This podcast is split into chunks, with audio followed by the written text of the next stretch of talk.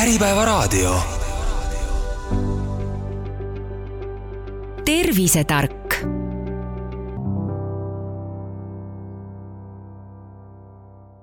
tere päevast, eetris on Tervisetark, mina olen virtuaalkliiniki juht Tuuli Seinberg ja minu külaline on täna Helle-Mall Sadrak, kes on perearst ja Eesti Perearstide Seltsi värske juht. kõigepealt edu ja jaksu uues ametis! aitäh!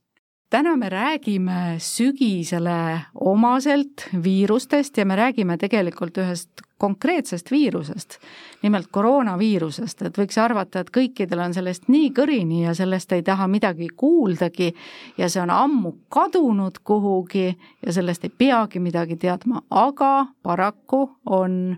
vähemalt minu kõrvu küll jõudnud info, et seda on siiski järjest rohkem meil inimeste seas levimas. et kuidas siis on sellega, et milline see koroonaviirus meil praegu on ja millised tüved meil ringlevad? koroonaviirus on selles suhtes äh, endiselt nõme haigus, et äh, kui me mõtleme seda, et äh, mis on toimunud haiglasse sattumistega, siis haiglasse sattumiste hulk koroonaviirusega on hüppeliselt tõusnud siin võrrelduna paari nädala tagusega. Õnneks ei ole praegu registreeritud ühtegi koroonast tingitud surma, aga kui me mõtleme, et kes on need inimesed ja vaatame andmeid ka, et kes siis koroonaviirusega haiglasse satuvad, siis need on sisuliselt üheksakümmend viis protsenti kuuskümmend pluss inimesed, ehk siis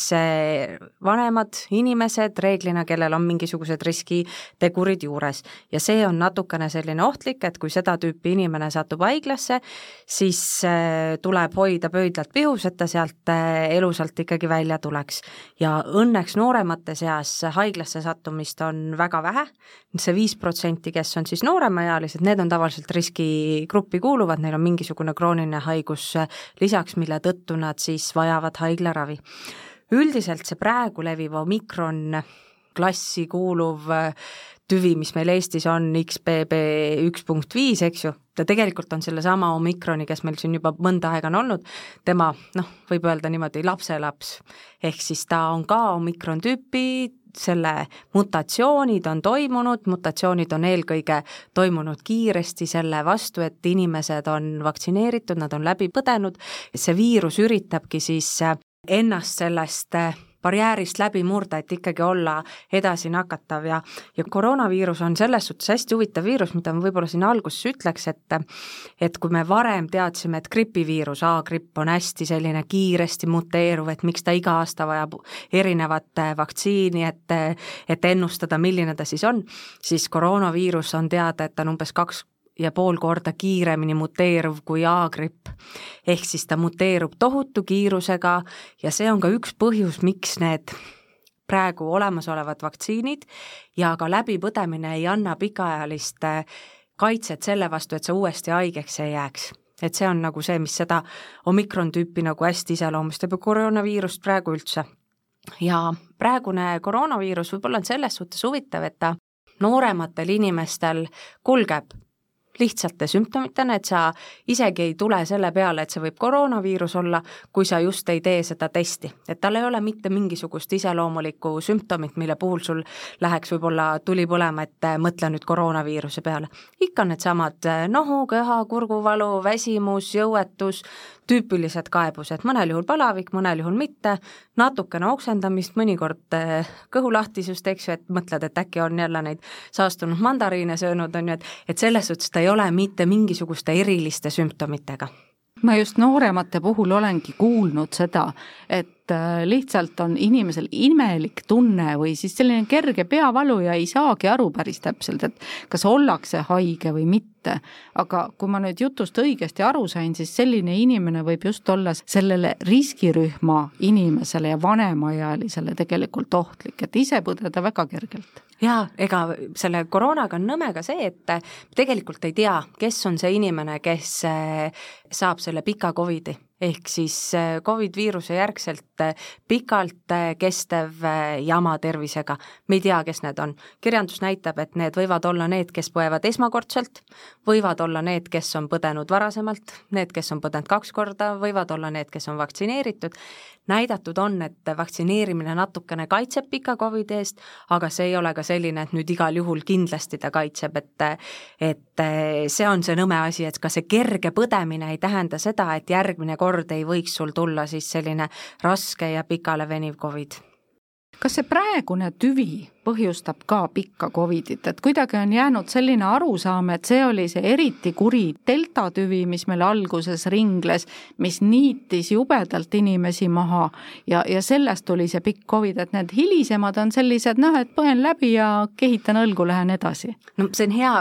kui laia, laialt arvamus on levinud, et see on niisugune kergem variant, aga tegelikult ükskõik, milline praegu leviv koroonatüvi võib anda pikka Covidit, see et delta andis veidi rohkem, aga ka praegune võib seda anda, et me kunagi ei tea, et kes on see inimene, kes saab selle pika Covidi ja kes ei ole üks asi, mis jäi mulle kõrvu sellest jutust, mis te enne rääkisite, oli see, et ei vaktsiin ega läbipõdemine, et ei anna pikaajalist kaitset. nüüd, kui pikk on see pikaajaline või kui lühike on lühiajaline kaitse, kui ma olen läbi põdenud värskelt, siis kas ma võin vähemalt mingi pool aastat siis natukenegi muretum olla ütleme niimoodi, et äh,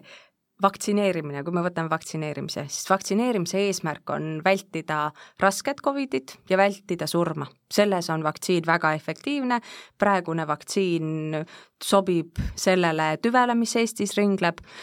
kui me nüüd võtame läbipõdemise ja kaitse, ja mõtleme sellele, et see viirus on selline, mis muteerub kiiresti, siis noh, niisugune kaks-kolm kuud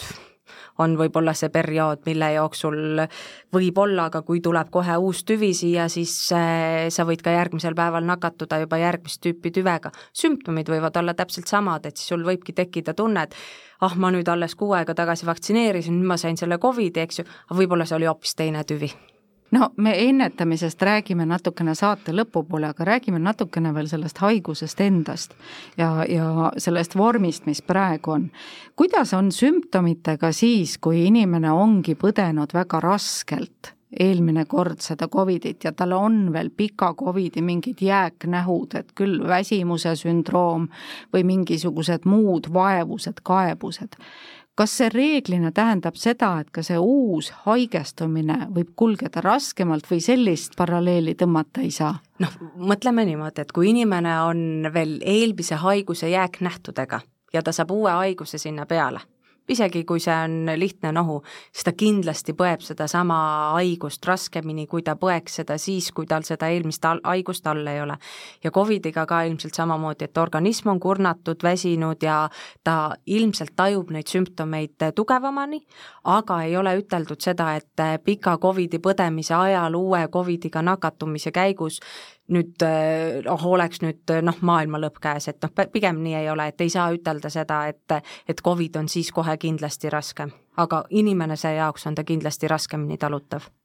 Ja kui me toome siia sisse mingisugused muud viirused, eriti näiteks gripi, et inimene on põdenud rasket grippi, siis saab koroonaviiruse peale või mis muud, mingit muud hooajalist viirust, see on ilmselt sama protsess, et lihtsalt see organism on nõrgem organism on kindlasti nõrgem, kui üks viirus on just äh, töö ära teinud ja ei ole jõudnud taastuda ja tuleb teine haigus sinna peale, siis see terveks saamise aeg võib äh, lihtsalt venida pikemaks, kui ta muidu veniks, et äh, et siin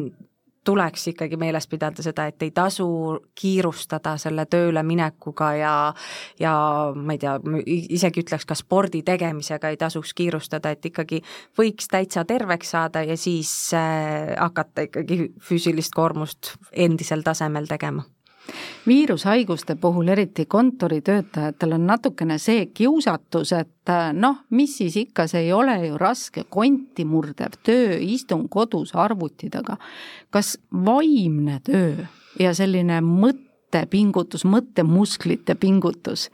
ka paranemisprotsessi kuidagi pärsib? No see sõltub ju jälle nendest sümptomitest, eks ju, et kui su sümptomid on eh, köha ja nohu, aga pea ei ole paks, uimasust, väsimust sul ei ole, siis ma arvan, et sellist kodukontorit võib teha küll, eks ju. aga kui ikkagi sa tunned, et silmad väsivad, eh, ise tekib niisugune vajadus neid lõunauinakuid teha, siis tegelikult see on sulle selge vihje organismi poolt, et kuule, ole kena, pigem puhka ja, ja seda tööd jõuab hiljem ka teha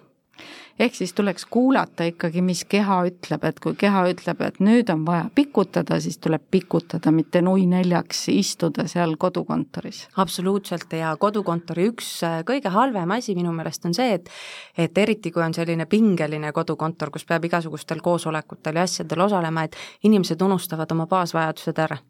pissil käimine, joomine, söömine. Ja kui sa oled haige ja sa unustad oma baasvajadused ära, siis äh, see paranemine venib veelgi ja, ja keha hakkab ühel hetkel sulle teada andma, et kuule, mulle ei meeldi see, mis sa teed. ja pärast võib see selline vindumine ju veel kauem aega võtta. Mm aga nüüd veel sellest, et kas on oluline siis praegu üldse eristada, et kas mul on koroonaviirus või mul on mingi RS-viirus või rinoviirus või mis iganes viirushaigus, et jään koju, paranen, noh, mis seal ikka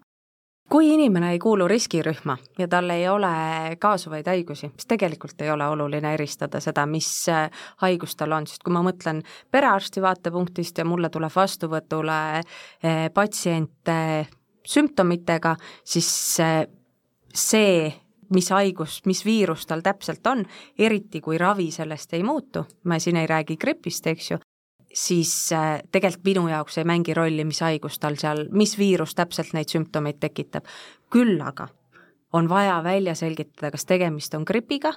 või mitte gripiga, eks ju, ja riskigruppide puhul see äh, Covidi puhul samamoodi, et meil on ju ravi olemas, mis on näidustatud sümptomaatilisele Covidile ja siis on vaja ka see test ära teha sinna, et teada, et see on, aga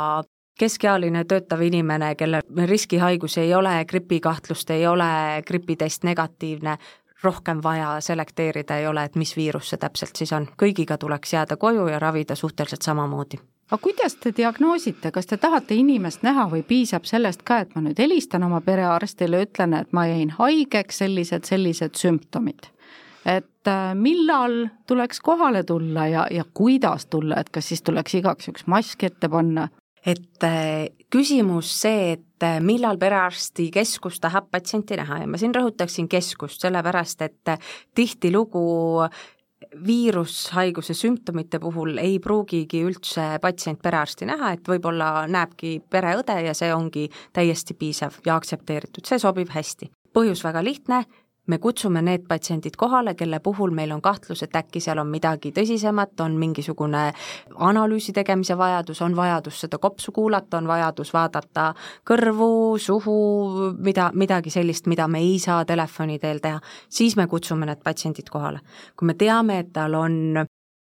midagi sellist, mis vajab ülevaatamist, siis ta tuleb kohale.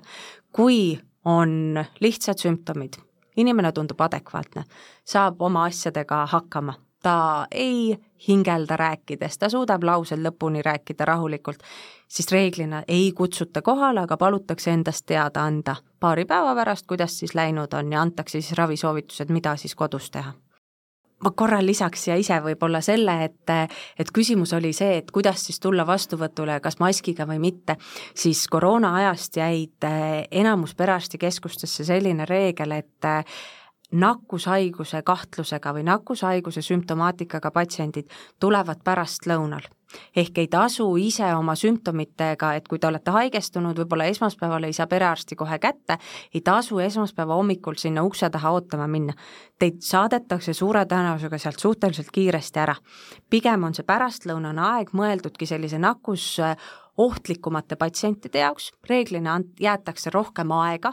patsientide vahele, et saaks ka need kabinetid kas ära tullutada, ära puhastada, et oleks kõigil turvalisem, pluss see, et me tegelikult ei taha, et ooteruumides väga palju selliseid nakkussümptomitega patsiente korraga seguneks ja oleks ja on see reegel, et me ikkagi tahame seda maski saada ja mitte suhtuda sellesse nagu karistuselementi või niimoodi, see on ikkagi selleks, et kui teil on nohuköha, et te ei jagaks oma pisikuid sinna meie pindadele ja teistele inimestele, kes seal ootavad, sest mõtleme sellele, et need patsiendid, keda me kutsume vastuvõtule, need on tavapärasest raskemad patsiendid, keda on vaja üle vaadata. Ja kui jagate omavahel kõiki neid eh, erinevaid viiruseid, eh, pisikuid, et siis tasuks ikkagi seda maski hoida nii teiste inimeste kaitseks kui ka enda kaitseks. Ja mis selle maski juures endiselt väga hea on, et mille, mida minu meelest võib-olla selle Covidi alguses nii väga ei rõhutatudki, aga on see, et kui sul on mask näo peal, siis sa automaatselt ise oma kätega puudutad vähem oma nägu see nagu kaitseb sind ennast ka sellega, et sa ei hakka siin neid äh, nina silitama või, või nina sügama või mis iganes seal tegema, et see tegelikult kaitseb sind ka, et sellel on efekt, pluss siis sa oled veidi teadlikum, et ahah, mul on kaitse ees, ma siis võiks ka käsi desinfitseerida, käsi pesta, et et tal tegelikult on efekt olemas. ja enamus perearstikeskused ikkagi nakkushaigetelt, äh, kellel on nakkushaiguse kahtlus, paluvad ka seda maski ette panna ja pärastlõunastel aegadel noh, see on üsna tavaline praktika seda on oluline teada ja meeles pidada kindlasti. nüüd äh, see küsimus, mis mul veel oli, oli siis selle koduse testimise kohta, et kas ma peaksin viirushaigusesse nakatumisel siis ikkagi tegema kodus ise testi, võib-olla selle, kus on siis koos mitu viirust või ei ole see ka vajalik? Jälle see, et eh, kui sa oled eh, riskigrupi patsient, kuuskümmend pluss eh, vanuses, sul on mõni kaasuv haigus, siis tasuks see test teha sest ravi määramine võib sõltuda sellest testist. see test, kus on gripp ka koos, on väga tänuväärne, sest Eestis juba esimesed gripijuhud on diagnoositud, küll sedasi episoodiliselt, et la-, väga suurt laia levikut ei ole, siis ikkagi tasub seda testi teha, sest kui sealt tuleb ka, et gripp on positiivne, siis sellel gripiravil kehtib ju täpselt samamoodi ajaline kriteerium, mille jooksul on mõistlik ravi alustada mm. -hmm. ja siis vajadusel juba siis kas perearst suunab edasi sinna PCR-ile või võib ka inimene ise siis äh, tasulisena selle PCR-testi teha, kui tahab? noh, selle PCR-i testiga on tegelikult see, et selle vajadust sisuliselt on väga üksikutel juhtudel. kui meil on riskigrupi patsient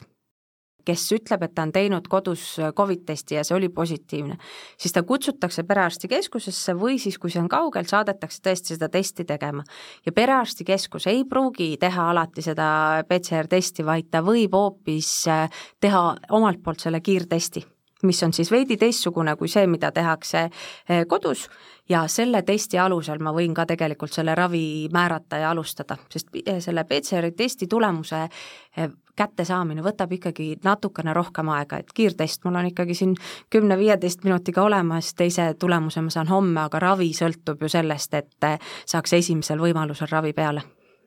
aga nüüd, kui me räägime sellest haiguse kestusest, et oletame, et on selline tavaline inimene, ei ole seal riskirühmas, muidu terve, jääb haigeks. Kui kaua praegu see Covid oma sellise leebe sümptomaatikaga kulgeb, ehk siis tegelik küsimus on selles, et millal ma peaksin arstile märku andma, et midagi on nüüd viltu, et kuskil on midagi kas tüsistunud või, või, või kuidagi nagu tõsisemaks pööranud? perearstile ja üldse arstile peaks ühendust võtma siis, kui äh, kuskil viie kuni seitsme päeva jooksul sümptomid ei ole paranemist-tendentsiga või on läinud midagi hullemaks. ehk siis pigem ta ei ole selline paremase suunas minemine, et nohu jääb iga päevaga vähemaks või köha, köhatamise jääb vähemaks, vaid vastupidi, hakkab nagu hullemaks minema, et eh, nina läheb rohkem kinni, hakkavad kõrvad juurde valutama, kurk läheb aina valusamaks, et siis tasuks võtta ühendust, et siis ei pea ka ootama seda viite päeva, et kui ikkagi on tunne, et et võrrelduna eilsega mul on nüüd täna ikkagi oluliselt halvem olla. Ja kui tekivad veel juurde mingisugused hingamisraskused, siis täpselt ongi, hea näide on sellest, et ahmima hakkavad inimesed õhku või nad ei suuda oma lauseid lõpetada ilma hingamispausideta, et siis sellisel juhul ka kindlasti mitte oodata mingisugust päevade arvu, et enne ma ei võta ühendust, vaid pigem võtta ühendust ja anda teada, et mulle tundub, et mul on läinud halvemaks, et eh, kas, eh, mis on edasised soovitused kui nüüd pandeemia ajast on inimestel kodus veel need pulssoksümeetrid, et siis äh, kui sellega enda tervist jälgida, mis on seal need olulised parameetrid? Noh, pulssoksümeetri puhul ikkagi see no tavalisel tervel inimesel see ideaalnumber, mis me tahame, on kuskil niisugune üheksakümmend seitse, üheksakümmend kaheksa. sadat protsenti ei pea sealt ootama ja nõudma. aga kui ta ikkagi hakkab sellest allapoole langema ja ta on langeva tendentsiga, me räägime seal üheksakümmend kaks, üheksakümmend üks, et siis võiks ka perearstikeskusele sellest teada anda, et et tundub, et siin on midagi korrast ära. aga pulssoksümeetri kasutamise puhul võiks meeles pidada seda, et enne seda ikkagi käsi korraks soojendada, mitte sedasi õuest tulnuna kohe see sinna otsa panna, sest see sõltub väga sellest, mis on ka see nahatemperatuur ja ja kui ümbritsev õhk on väga külm ja sa pead pulssoksümeetri peale, siis need numbrid võivad olla kohati katastroofiliselt katastroofiliselt madalad, et neid mitte siis uskuda osadel pulsikelladel, ma tean, on ka see funktsioon olemas, aga seal on täpselt ka seesama asi, et need numbrid võivad näidata täiesti aiateibaid. ehk siis võivad inimese päris ära ehmatada hoopis. noh, aga see pulsikellaga on see jälle hea, et reeglina see inimene ei osta ma loodan, seda pulsikella omale selle haiguse esimestel päevadel, tavaliselt on neil see pulsikell ennem juba olnud ja nad tegelikult on juba vaadanud, mis need nende tavapärased numbrid enne on olnud. isegi kui nad näitavad aiateibaid, nad teavad, millised need nende teibad on ja sellest lähtuvalt nad oskavad märgata, erinevusi kas ühes suunas või teises suunas ja te oskavad märgata, et, et midagi nagu päris korras ei ole ja, ja siis juba perearstikeskus saab sellest kinni võtta ja vaadata, et mis see siis äh, tundub, et ei ole korras või on korras me rääkisime natuke nendest sümptomitest, diagnoosimisest ja, ja muust sellisest olulisest, aga räägime nüüd ka sellest, et kuidas siis selle viiruse kahtluse korral korrektselt toimida. kas peaks kohe ikkagi jääma töölt koju, lapse lasteaiast või koolist koju jätma, nii kui tulevad mingid sellised kaebused? kui inimene iseennast tunneb haigena, siis ta võiks ikkagi jääda koju esimesel võimalusel. lapse puhul täpselt samamoodi, et kui ikkagi see laps hommikul ei tundu sama terve, kui ta oli eile, siis võiks ka lapse jätta koju, mitte saata teda siis lasteaeda, kooli, et vaadata, kuidas siis päeva jooksul see asi läheb, et et võrrelda ka, võrreldagi ennast ja last varasemaga, kui laps oli täitsa terve ja sellest lähtuvalt teha otsus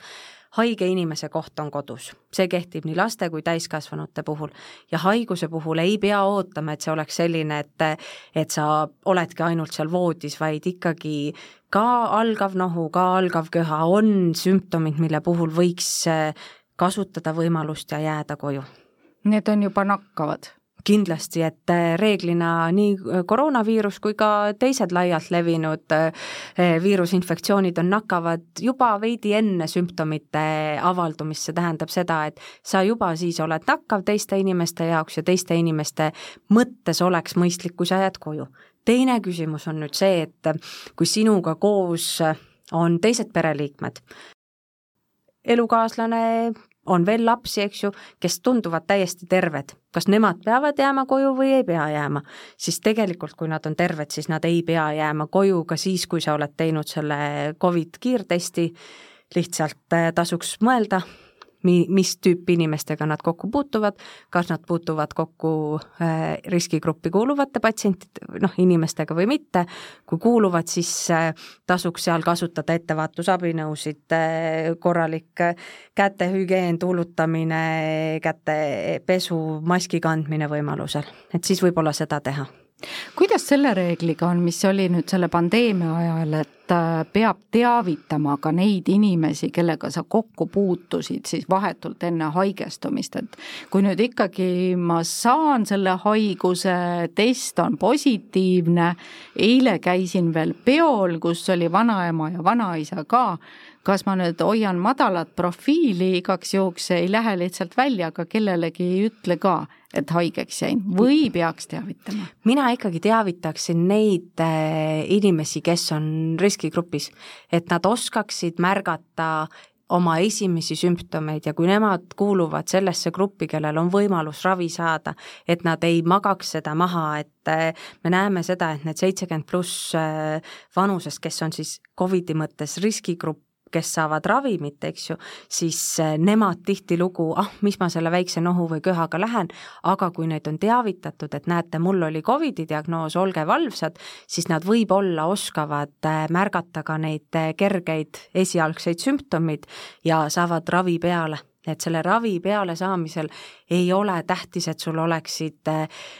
hirmus tõsised sümptomid, et, et see ei mängi seal rolli, seal mängib rolli see, et kas sa oled riskigrupis, kas sul on kaasuvad haigused, see on seal nagu kõige olulisem tegur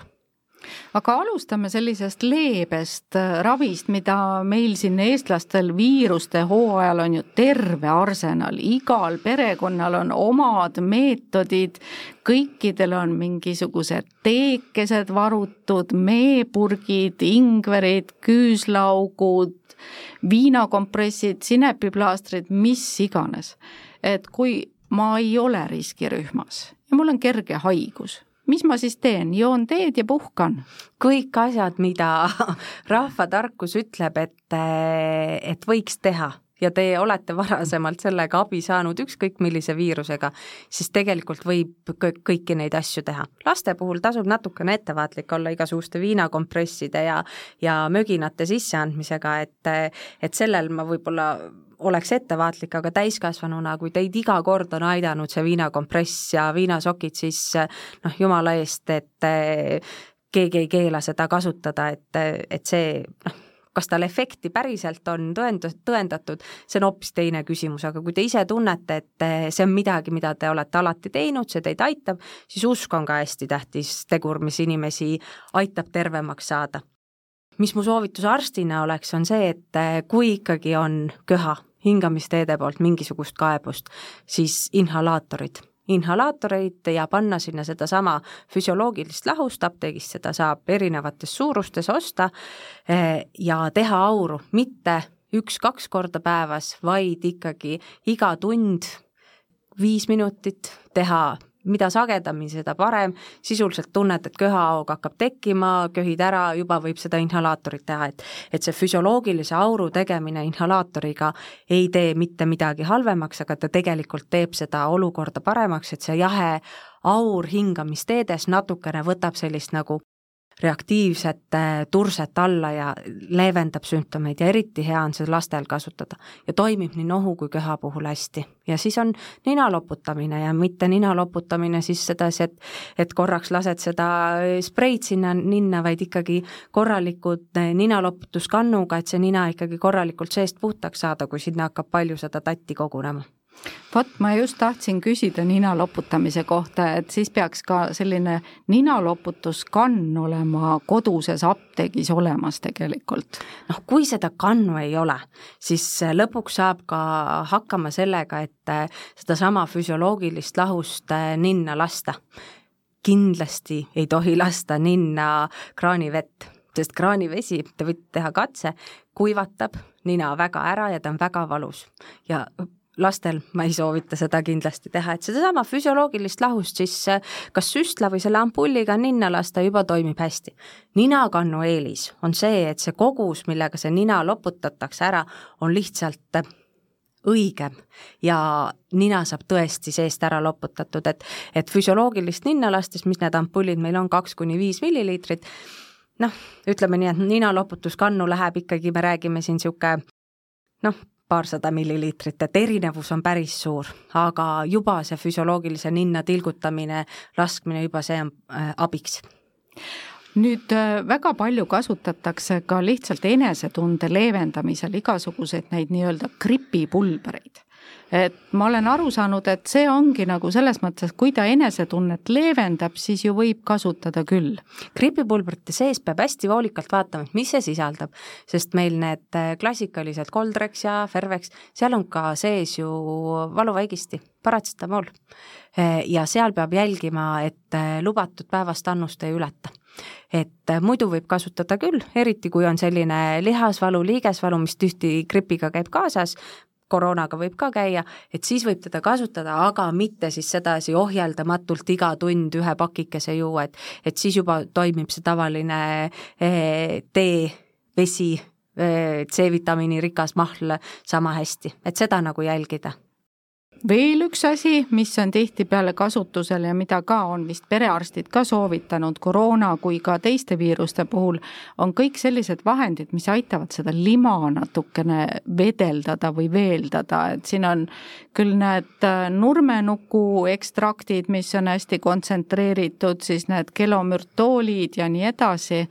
ja, ja ka lihtsalt vist vee tarbimine, et kuidagi seda natukene leevendada olukorda mm. -hmm.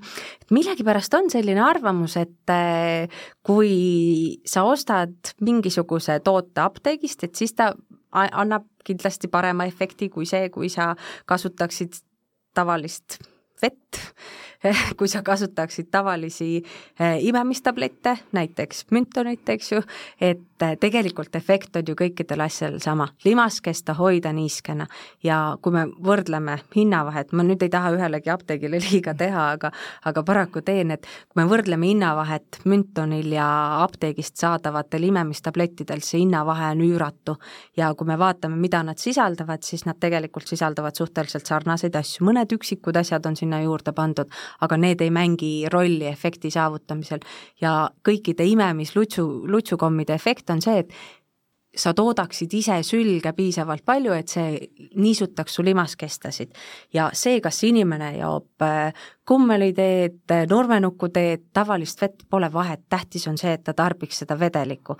küll aga ei tasuks juua musta teed ja kohvi, mis siis viivad eh, meil vee organismist välja ja tegelikult ühel hetkel hakkavad ka kuivatama limaskestasid, et tavaline kraanivesi sobib väga hästi joogiks.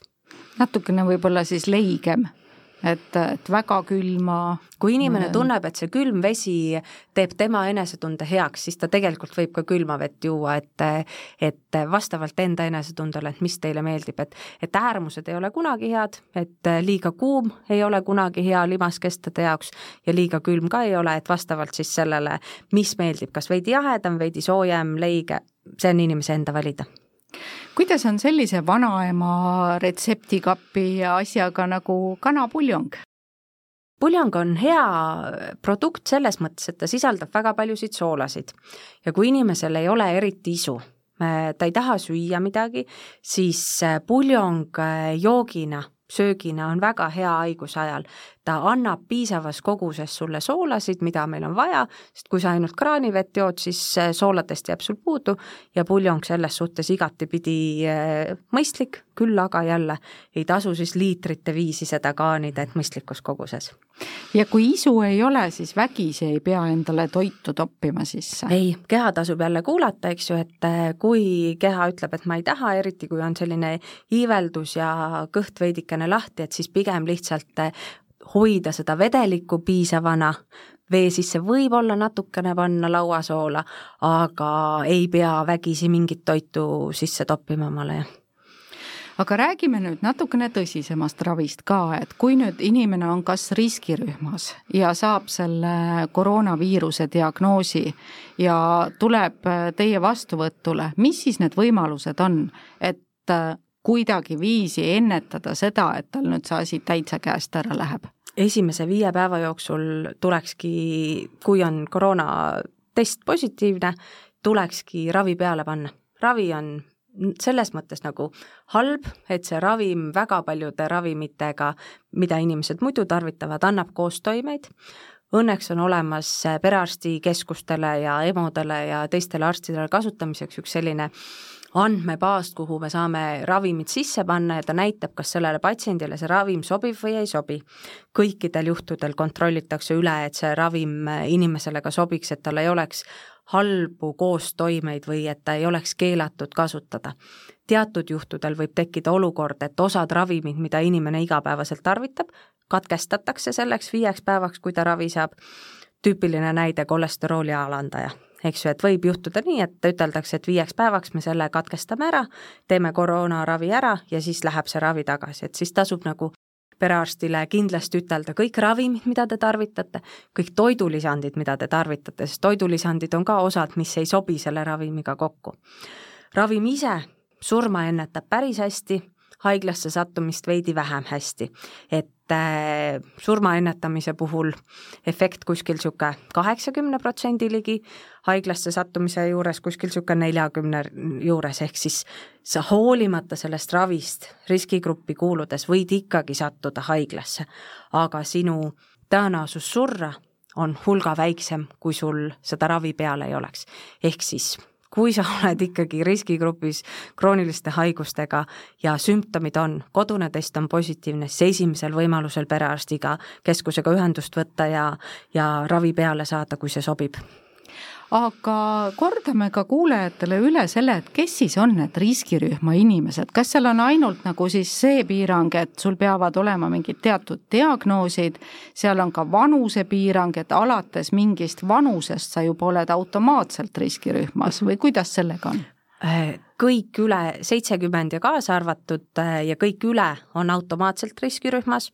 kuna nende puhul see koroonasurma tõenäosus on lihtsalt nii palju suurem kui madalamates vanusegruppides. Ja siis on, äh, kindlasti on selles riskigrupis inimesed, kelle immuunsussüsteem on nõrgenenud, nad saavad kas immuunsust pärssivat ravi, kasvajahaiget näiteks, eks ju, mõned teised haigused veel reeglina kopsuhaigusega inimesed, kellel on krooniline obstruktiivne kopsuhaigus, teatud äh, haigused veel, need on automaatselt. ja siis on teised äh, inimesed, kellel on siis rohkem kui üks krooniline haigus ja neid siis hakatakse vaatama, et kas sul on siis üks või mitu või palju sul siis neid on ja mis haigused need on, et, et reeglina kui on ikkagi krooniliste haigustega inimene, siis ta sinna alla ka kvalifitseerub. Ja mis me laialt ütleme, on kopsu- ja südame-veresoonkonna haigused laias laastus. Kuidas on rasedatega, kas rasedad seda koroonaviiruse vastast ravi teatud näidustustel tohivad saada või pigem mitte? Ei tehta seda ravi mm -hmm. rasedatele, et see, see, see on jah, niisugune, mis, mis sinna alla ei lähe, et mõned üksikud noh, erandid, kui sa mõtled, et neid kroonilisi haigusi võib ka rasedatel olla, eks siis see raviarst otsustab seda ja, ja aga minu teada rasedatel seda pigem ei tehta ja pigem on see vastunäidustatud nüüd oletame, et kõik läheb hästi, et ka see riskipatsient sai ravi peale, tõepoolest äh, ei surnud ära, jäi ellu, sai terveks, haiglasse ka ei sattunud ja nüüd ta mõtleb oma sellele kogemusele ja ta tahaks väga, et tegelikult ka koroonaviirusesse ei haigestuks. ja olgem ausad, et isegi mitte riskipatsient olles tahaks ise ka ju seda, et ei oleks seda sellist vastikut tüütut viirust. mida me siiski saame teha? et me siin juba mainisime natukene seda vaktsineerimist, et enamikul koroonavaktsiinid jäävad nüüd sinna perioodi, mis oli nüüd see epideemia aeg intensiivne mm. -hmm. et koroonavaktsiini hetkel aktiivselt soovitatakse ikkagi riskigrupi patsientidele. vaktsiini riskigrupp hakkab kuuekümnendast eluaastast, et seal on nagu raviga natukene kümme aastat nihet. kõik teised inimesed võivad vaktsineerida, aga otsest sellist nagu tungivat soovitust, et iga kuue kuu tagant tehke see vaktsiin, ei ole. et kui sa tunned, et sa tahad, siis keegi sulle kätt ette ei pane ja see on lubatud ja ja digilugu.ee kaudu saad vaadata, kus siis saab vaktsineerida, ennast kirja panna, endiselt täitsa tasuta kõigile. nüüd äh, kuidas üldse ära hoida seda, et haigeks ei jää? see on hea küsimus, eks ju, et mis siin kõige rohkem rolli mängib, on kätehügieen. ütleks niimoodi, et mitte ainult koroonaviiruse puhul, vaid kõikide teiste viirushaiguste puhul. see, et äh, käsi pesta korralikult vee ja seebiga, sooja veega, eks ju, tundub elementaarne, aga tegelikult äh, ülioluline see, et sa ei katsu oma nägu, ei katsu oma nina, ei katsu oma suud kogu aeg nende kätega. Teine ülioluline asi, et kui selle jaoks on vaja maski, mm, sõidad bussiga ja tead, et sul on komme kas nina sügada, nina nokkida, midagi teha, eks ju, et noh, siis pane see mask sinna ette, et et nügi läbi selle maski, et juba, juba efekt olemas, on ju. tubade puhul tuulutamine kindlasti, et et see aitab ka seda, et õhk vahetub, on värskem õhk seal toas, ei kuhju kõik asjad sul pindade peale ja aitab ka kaasa. regulaarne söömine, täisväärtuslik, nii juur, köögivilju, liha,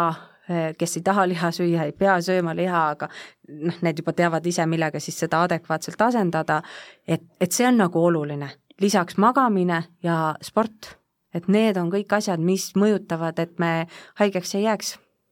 jah, hea tuju. Jah, aga hea tuju võikski tulla sellest, kui, kui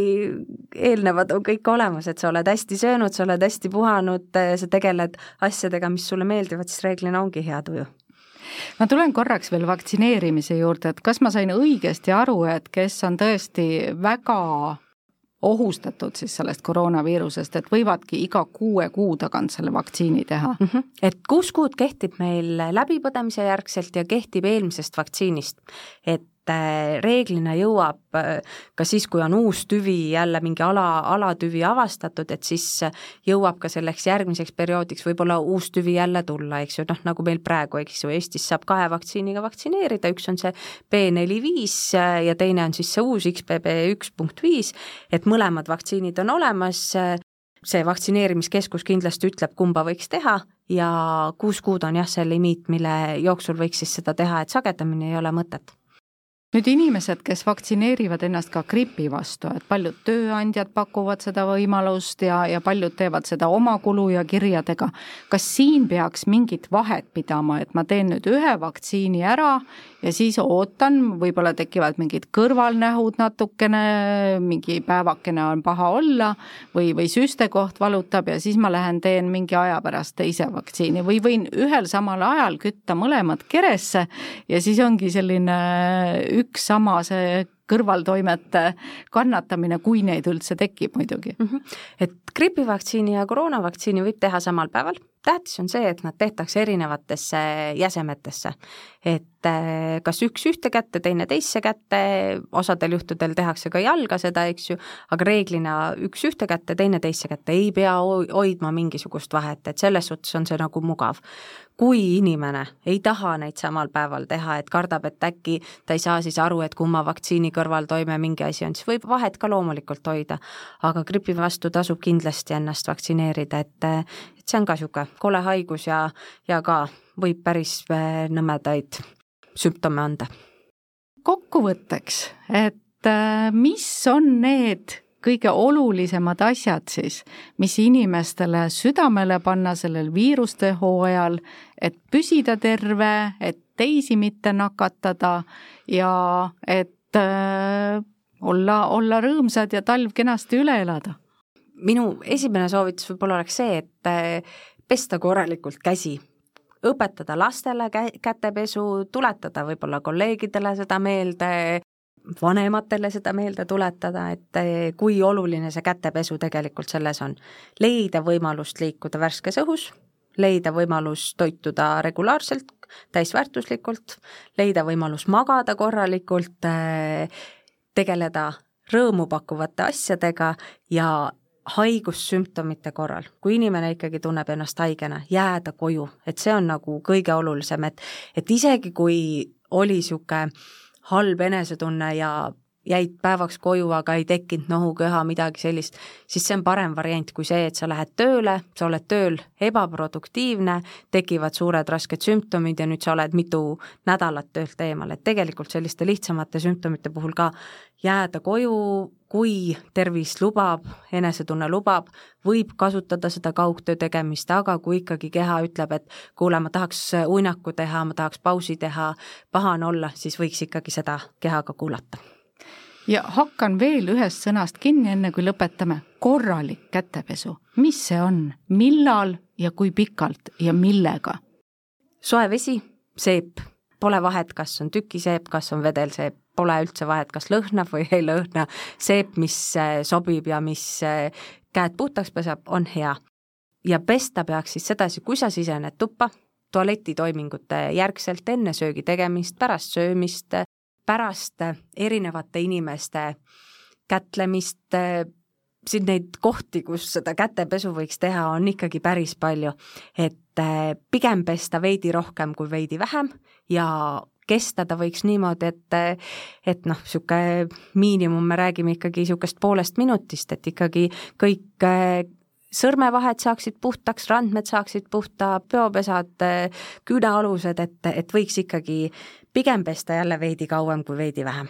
ja siis vajadusel kätekreemi kasutada, kui inimesed kurdavad, et käenahk läheb liiga kuivaks sellise pesemisega. kindlasti, et äh, niisutav kätekreem väga hea, talveperioodil võib-olla tasuks vaadata oma kätekreemid üle, et nad pigem oleksid äh, mitte vee baasil, vaid õli baasil, see tähendab seda, et kui on õues miinuskraadid ja sul on vee baasil kätekreem, siis äh, see vesi seal külmub ja hakkab kuivatama nahka, et pigem siis õli baasil, et külm liiga ei teeks